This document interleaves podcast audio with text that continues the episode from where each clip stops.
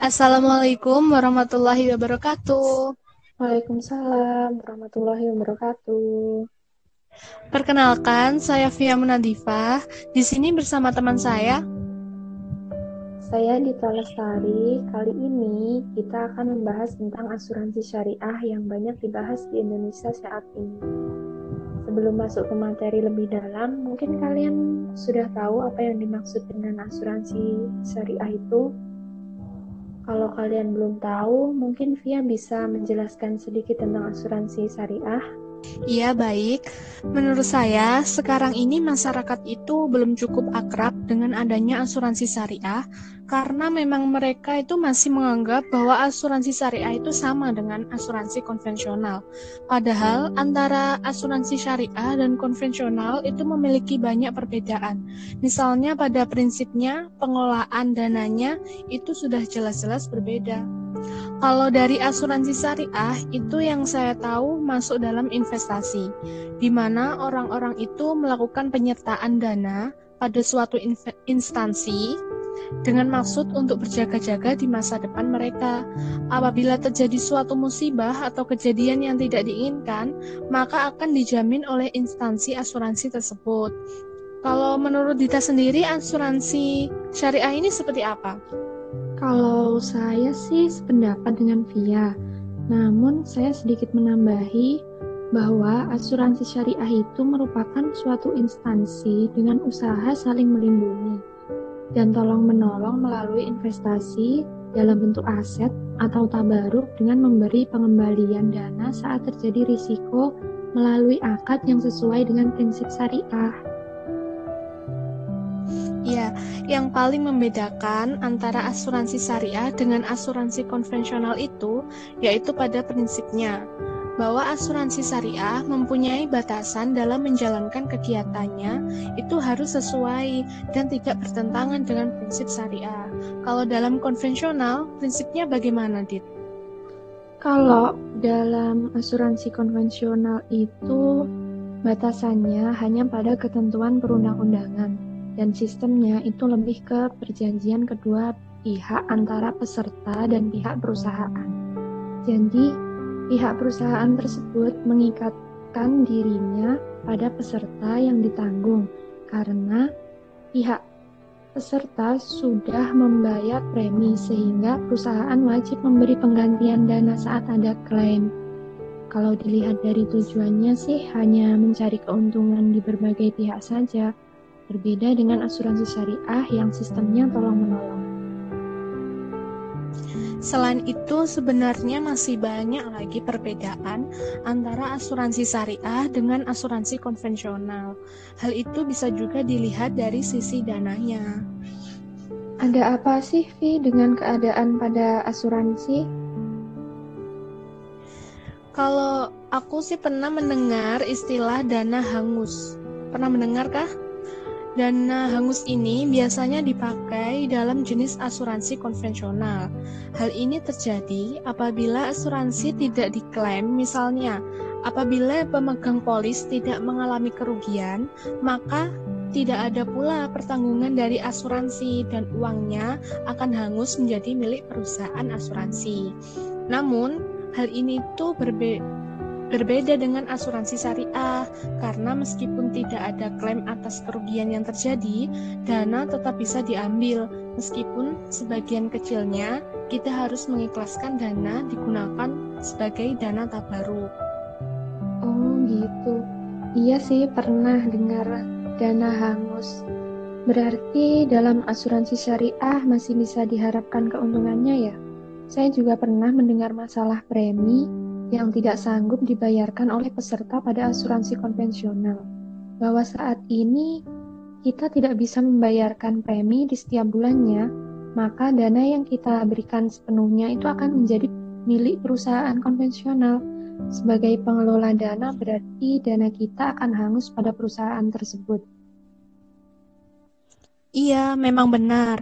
Namun ber Berbeda dengan asuransi syariah, jika kita tidak sanggup membayar dana premi yang harus dibayar setiap bulan, kita dapat menutup langsung akun asuransi kita, dan kita akan tetap mendapatkan dana yang sudah kita berikan pada asuransi syariah tersebut. Berarti dari sini saja sudah jelas ya, Vi, bagaimana prosesnya kalau kita memilih asuransi syariah dan asuransi konvensional. Iya, namun masyarakat kita itu masih kurang terkait informasi asuransi. Kita sebagai generasi perekonomian Islam yang harus membantu dalam pengembangan lembaga-lembaga syariah di Indonesia. Uh, kalau dilihat dari peran perusahaan asuransi dalam memposisikan dana kita sebagai peserta, itu kan juga sangat berbeda ya, Vi Maksudnya itu dalam asuransi syariah itu menjadi sepenuhnya milik peserta asuransi karena perusahaan hanya berjasa menjadi pengelola saja. Benar sekali, Dita. Berbeda dengan asuransi konvensional, di mana perusahaan memiliki wewenang penuh untuk mengelola dan mengalokasikan dana investasi milik peserta asuransi, sehingga kemungkinan dana tersebut tidak sepenuhnya milik peserta lagi. Akadnya pun juga berbeda da dari kedua asuransi ini. Oh iya, pada asuransi konvensional untuk investasinya itu menggunakan akad tabaduli akad tabaduli itu sendiri yaitu akad jual beli. Padahal kan menurut asuransi syariah akad jual beli itu harus ada atau harus jelas penjualnya siapa dan pembelinya siapa barangnya harganya serta zikotnya Iya, tapi pada asuransi syariah akadnya itu yaitu takaful, artinya saling tolong menolong. Sehingga jika salah satu peserta terkena musibah, maka peserta lain itu ikut membantu dengan dana tabaruk atau dana sosial dari masing-masing peserta. Uh, sebenarnya dalam asuransi syariah itu bagaimana sih prinsipnya dari segi penggunaan dana? Pada masalah penggunaan dana dalam asuransi syariah itu menggunakan prinsip saling menanggung resiko, sehingga semua peserta beserta perusahaan saling melakukan tolong-menolong, saling menjamin dan kerjasama dengan mengumpulkan dana tabaruk, sehingga dalam pengelolaan resiko dapat ditanggung bersama antara kedua pihak. Semua kegiatan itu kan pasti ada resikonya ya, namun Bila suatu kerjasama resiko ditanggung semua pihak, kan jadi lebih ringan, tingkat resikonya pun juga semakin rendah. Kalau dalam konvensional, risiko semua ditanggung oleh perusahaan. Jadi secara penuh peserta itu tidak ikut menanggung contohnya nih seperti asuransi kesehatan, mobil, dan perjalanan.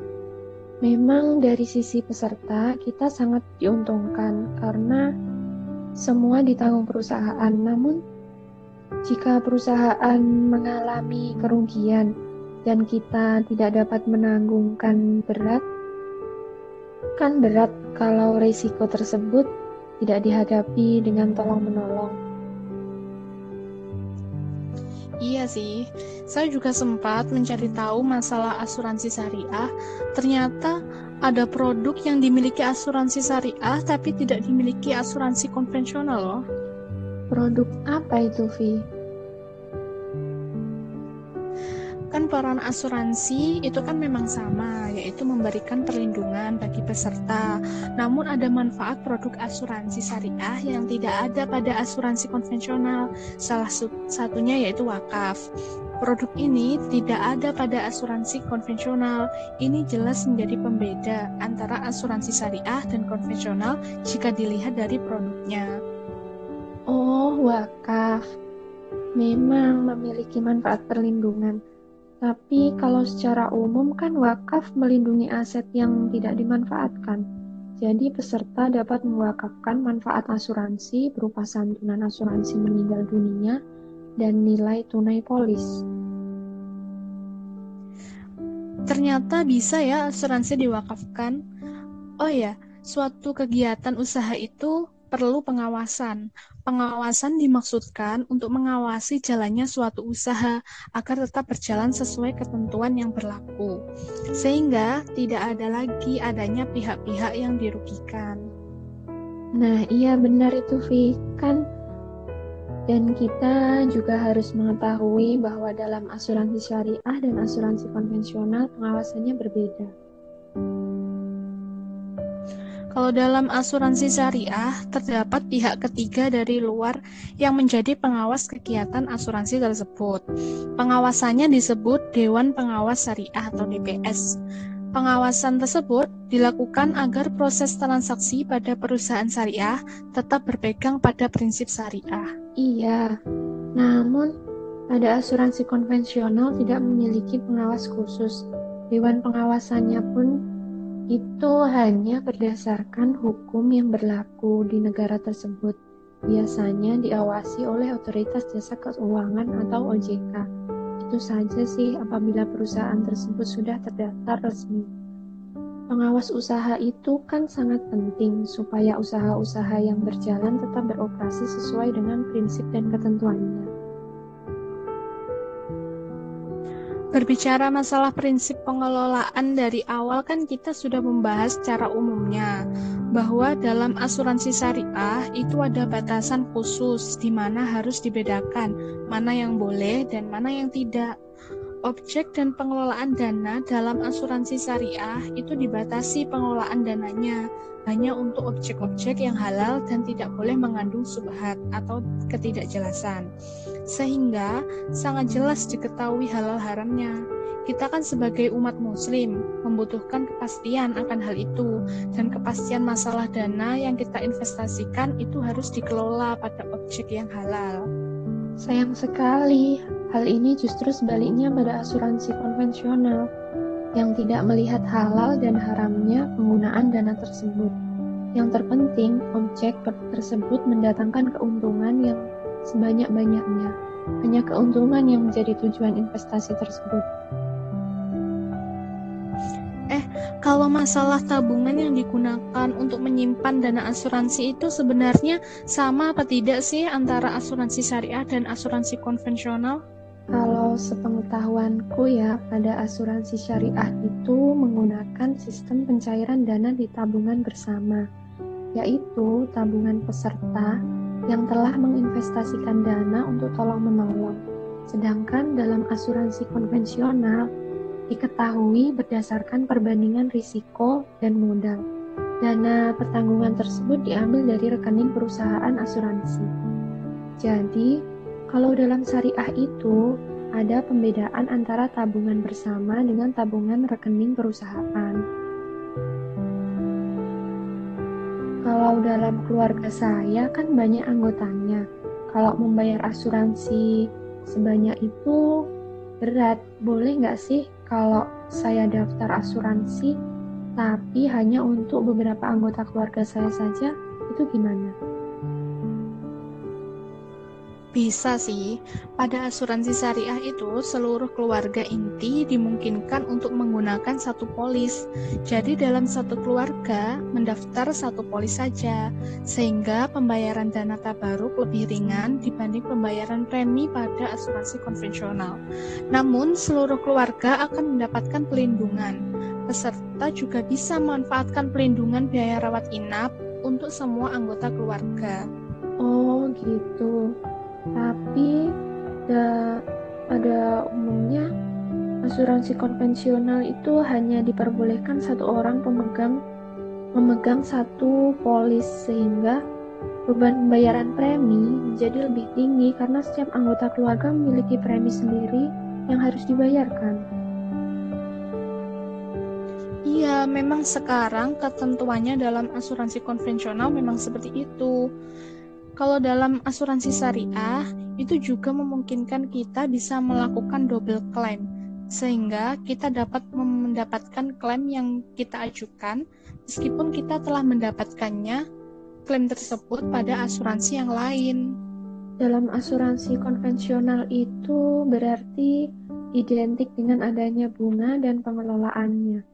Selain bunga, juga mengandung maisir, goror, dan riba atau biasa disebut dengan maghrib, sehingga pengelolaan ini yang tidak diperbolehkan dalam prinsip syariah.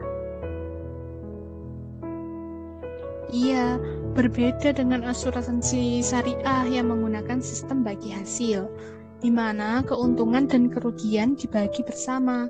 Premi ini, jika belum digunakan, dapat juga diinvestasikan pada lembaga keuangan keuangan syariah namun tetap dengan sistem bagi hasil.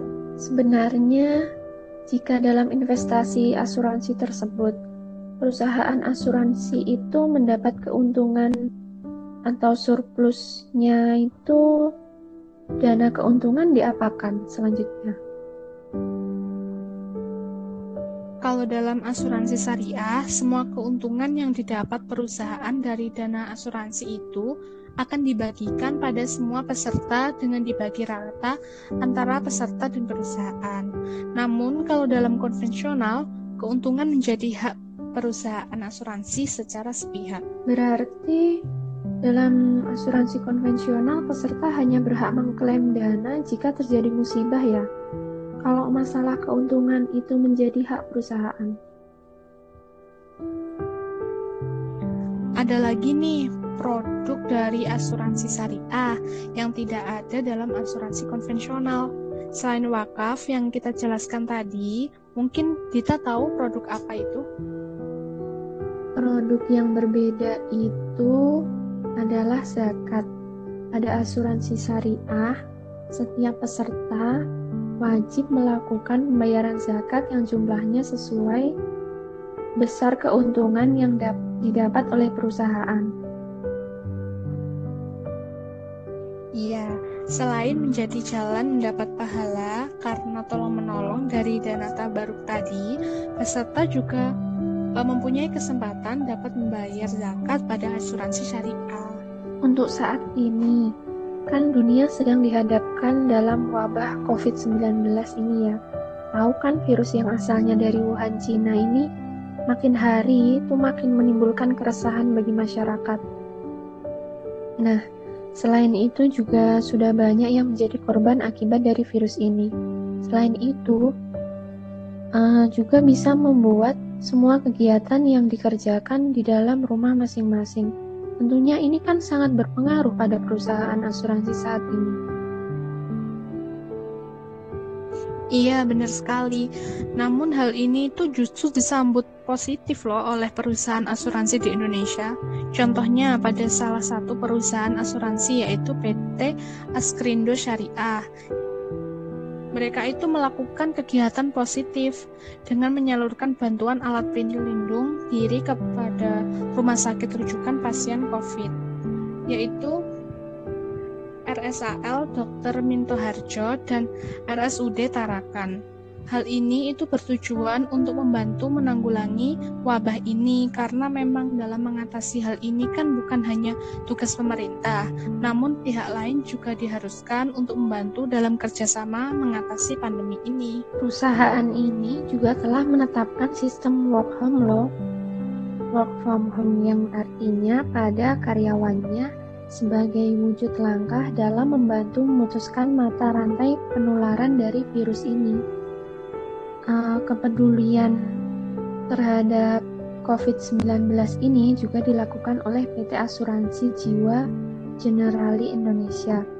Mereka ini mengakui bahwa meskipun pandemi ini biaya perawatan telah ditanggung oleh pemerintah, namun perlindungan jiwa pada perusahaan ini tetap berjalan.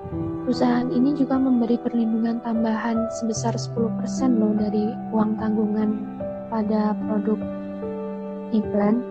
Untuk kebijakan peserta, perusahaan juga memberikan perpanjangan masa tenggang pembayaran premi bagi nasabah yang didiagnosa COVID-19 selama masa perawatan.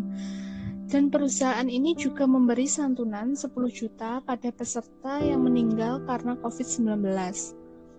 Kalau kamu tadi katakan virus ini itu berpengaruh, sebenarnya seberapa pengaruh sih pandemi virus COVID-19 ini terhadap asuransi?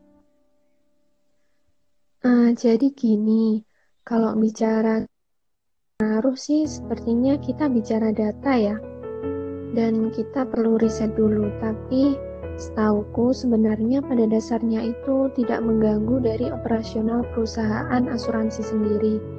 Maksudnya itu seperti ini jadi meskipun banyak kebijakan yang diterapkan oleh pemerintah seperti kebijakan lockdown, physical distancing, social distancing seperti itu, asuransi ini tuh tetap beroperasi. Ya meskipun pastilah ada perubahan-perubahan dalam operasionalnya. Kamu tahu kan maksud dari kebijakan lockdown, physical distancing yang aku maksud tadi? Iya tahu, kebijakan lockdown itu kan pada intinya pemberhentian secara total atau menyeluruh.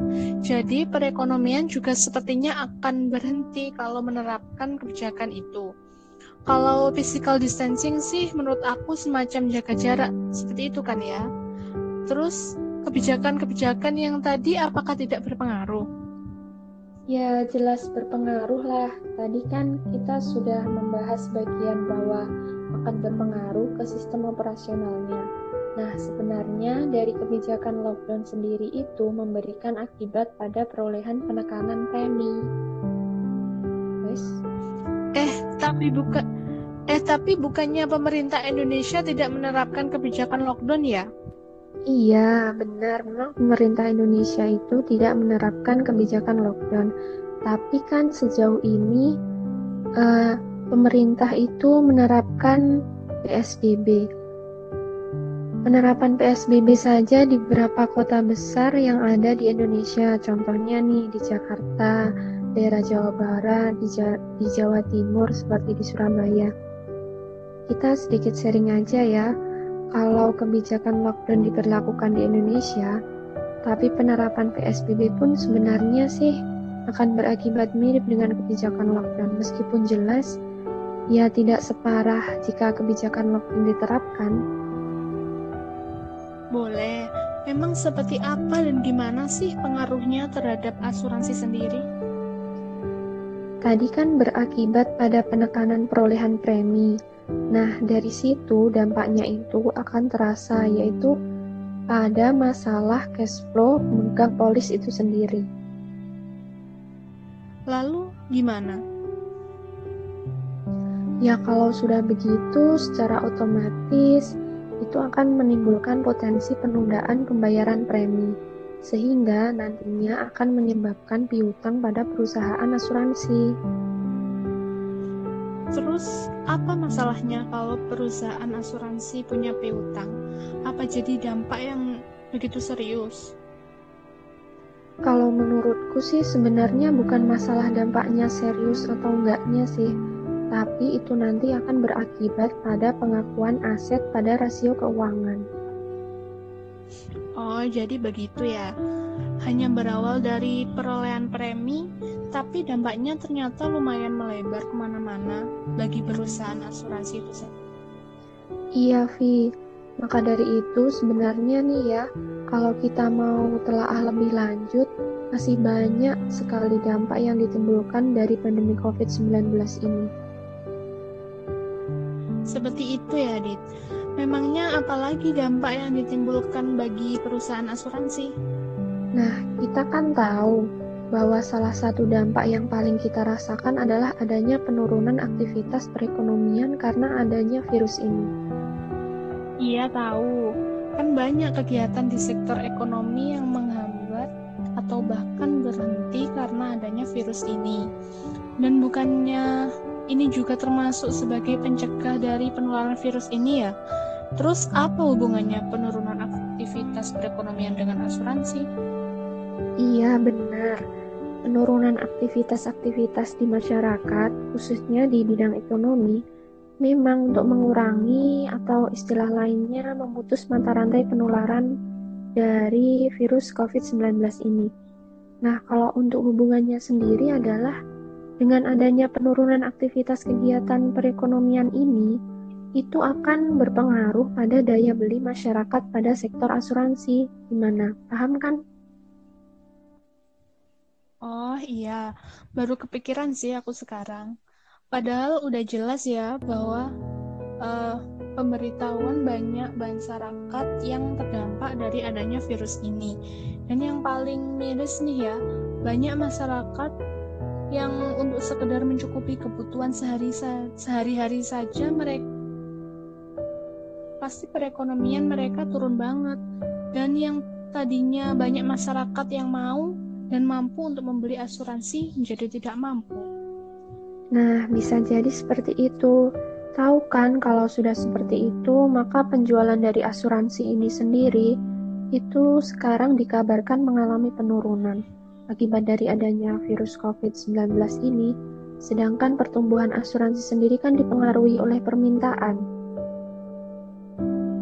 Wah, berarti ini akan uh, berdampak juga sama tingkat pertumbuhan dari perusahaan asuransi itu sendiri. Bisa ditarik kesimpulan seperti itu. Karena permintaan kan berarti daya daya beli dari masyarakat kalau daya beli dari masyarakatnya turun, tentu pertumbuhan perusahaan asuransi itu sendiri juga akan menurun kan? Kan trennya terjadi penurunan ya, Dit. Terus dari perusahaan asuransi sendiri, apakah tidak ada strategi atau solusi baru yang bisa digunakan untuk mengembalikan tren penjualan dari asuransi sendiri? Iya, tren yang menurun itu sebenarnya juga masih efek dari himbauan pemerintah terkait social distancing, physical distancing, atau jaga jarak itu. Sejauh ini, solusi yang dilakukan adalah melalui bidang teknologi digital. Oh iya, sekarang kan eranya digital ya. Jadi sistem kerjanya bagaimana? Jadi seperti ini. Sistemnya adalah himbauan jaga jarak. Tadi kan mengharuskan dalam penjualan asuransi itu tidak boleh bertemu secara langsung tidak ya meminimalisir lah. Nah, dengan adanya teknologi digital, maka penjualan dapat dilakukan melalui digital seperti pada platform asuransi sehingga bisa meminimalisir pertemuan secara langsung dan masyarakat yang ingin membeli tetap bisa membeli meskipun harus tetap stay at home. Untungnya ya kita sedang berada di era digital seperti sekarang ini. Jadi serba lebih mudah dan secara tidak langsung hal tersebut telah mendukung program pemerintah untuk selalu stay at home guna memutus rantai penyebaran virus COVID-19. Iya ya, alhamdulillah seperti itu. Bahkan ya dari Asosiasi Asuransi Umum Indonesia atau AAUI itu menyebut menyambut positif dan mendukung dari kebijakan tersebut. Wah, kalau itu sih wajar ya. Kan kebijakannya bagus dan solutif. Aku juga baru tahu kalau ternyata ada kebijakan lain, yaitu kebijakan relaksasi pada tagihan premi selama masa pandemi COVID ini. Relaksasi yang gimana, Vi? Aku belum tahu malahan. Jadi, relaksasi yang dimaksud adalah tagihan premi asuransi diperpanjang dari dua bulan menjadi empat bulan sejak tanggal jatuh tempo pada polis. Wah, berarti memudahkan juga ya. Memang harus seperti itu sih, perusahaan juga harus mengerti situasi yang sekarang ini. Banyak masyarakat yang terdampak dan mengalami kesulitan akibat dari virus ini. Iya, pasti memudahkan. Eh, tapi hal tersebut bukan tanpa alasan loh. Dan tanpa alasan bagaimana, Vi? Kebijakan tersebut diterapkan agar piutang premi masuk ke dalam perhitungan aset yang diperkenankan dan untuk menjaga solvabilitas perusahaan asuransi. Oh, jadi begitu. Ternyata banyak sekali ya dampak yang ditimbulkan dari wabah virus ini. Iya, semoga wabah ini cepat berlalu agar semua cepat kembali normal. Iya, Sevi, kasihan juga banyak yang terdampak dari virus ini, termasuk kita juga kan ya? Iya, Dit. Semoga kita selalu dalam lindungannya dan tidak terinfeksi dari virus ini. Amin. Jangan lupa tetap waspada, jaga kesehatan, Patuhi aturan pemerintah, jaga kebersihan dengan rajin cuci tangan dan pakai masker. Dan stay at home. Ini tadi bahasan tentang asuransi syariah. Semoga bermanfaat bagi kalian semua yang mendengarkan ya. Iya, sekian dari kami. Wassalamualaikum warahmatullahi wabarakatuh.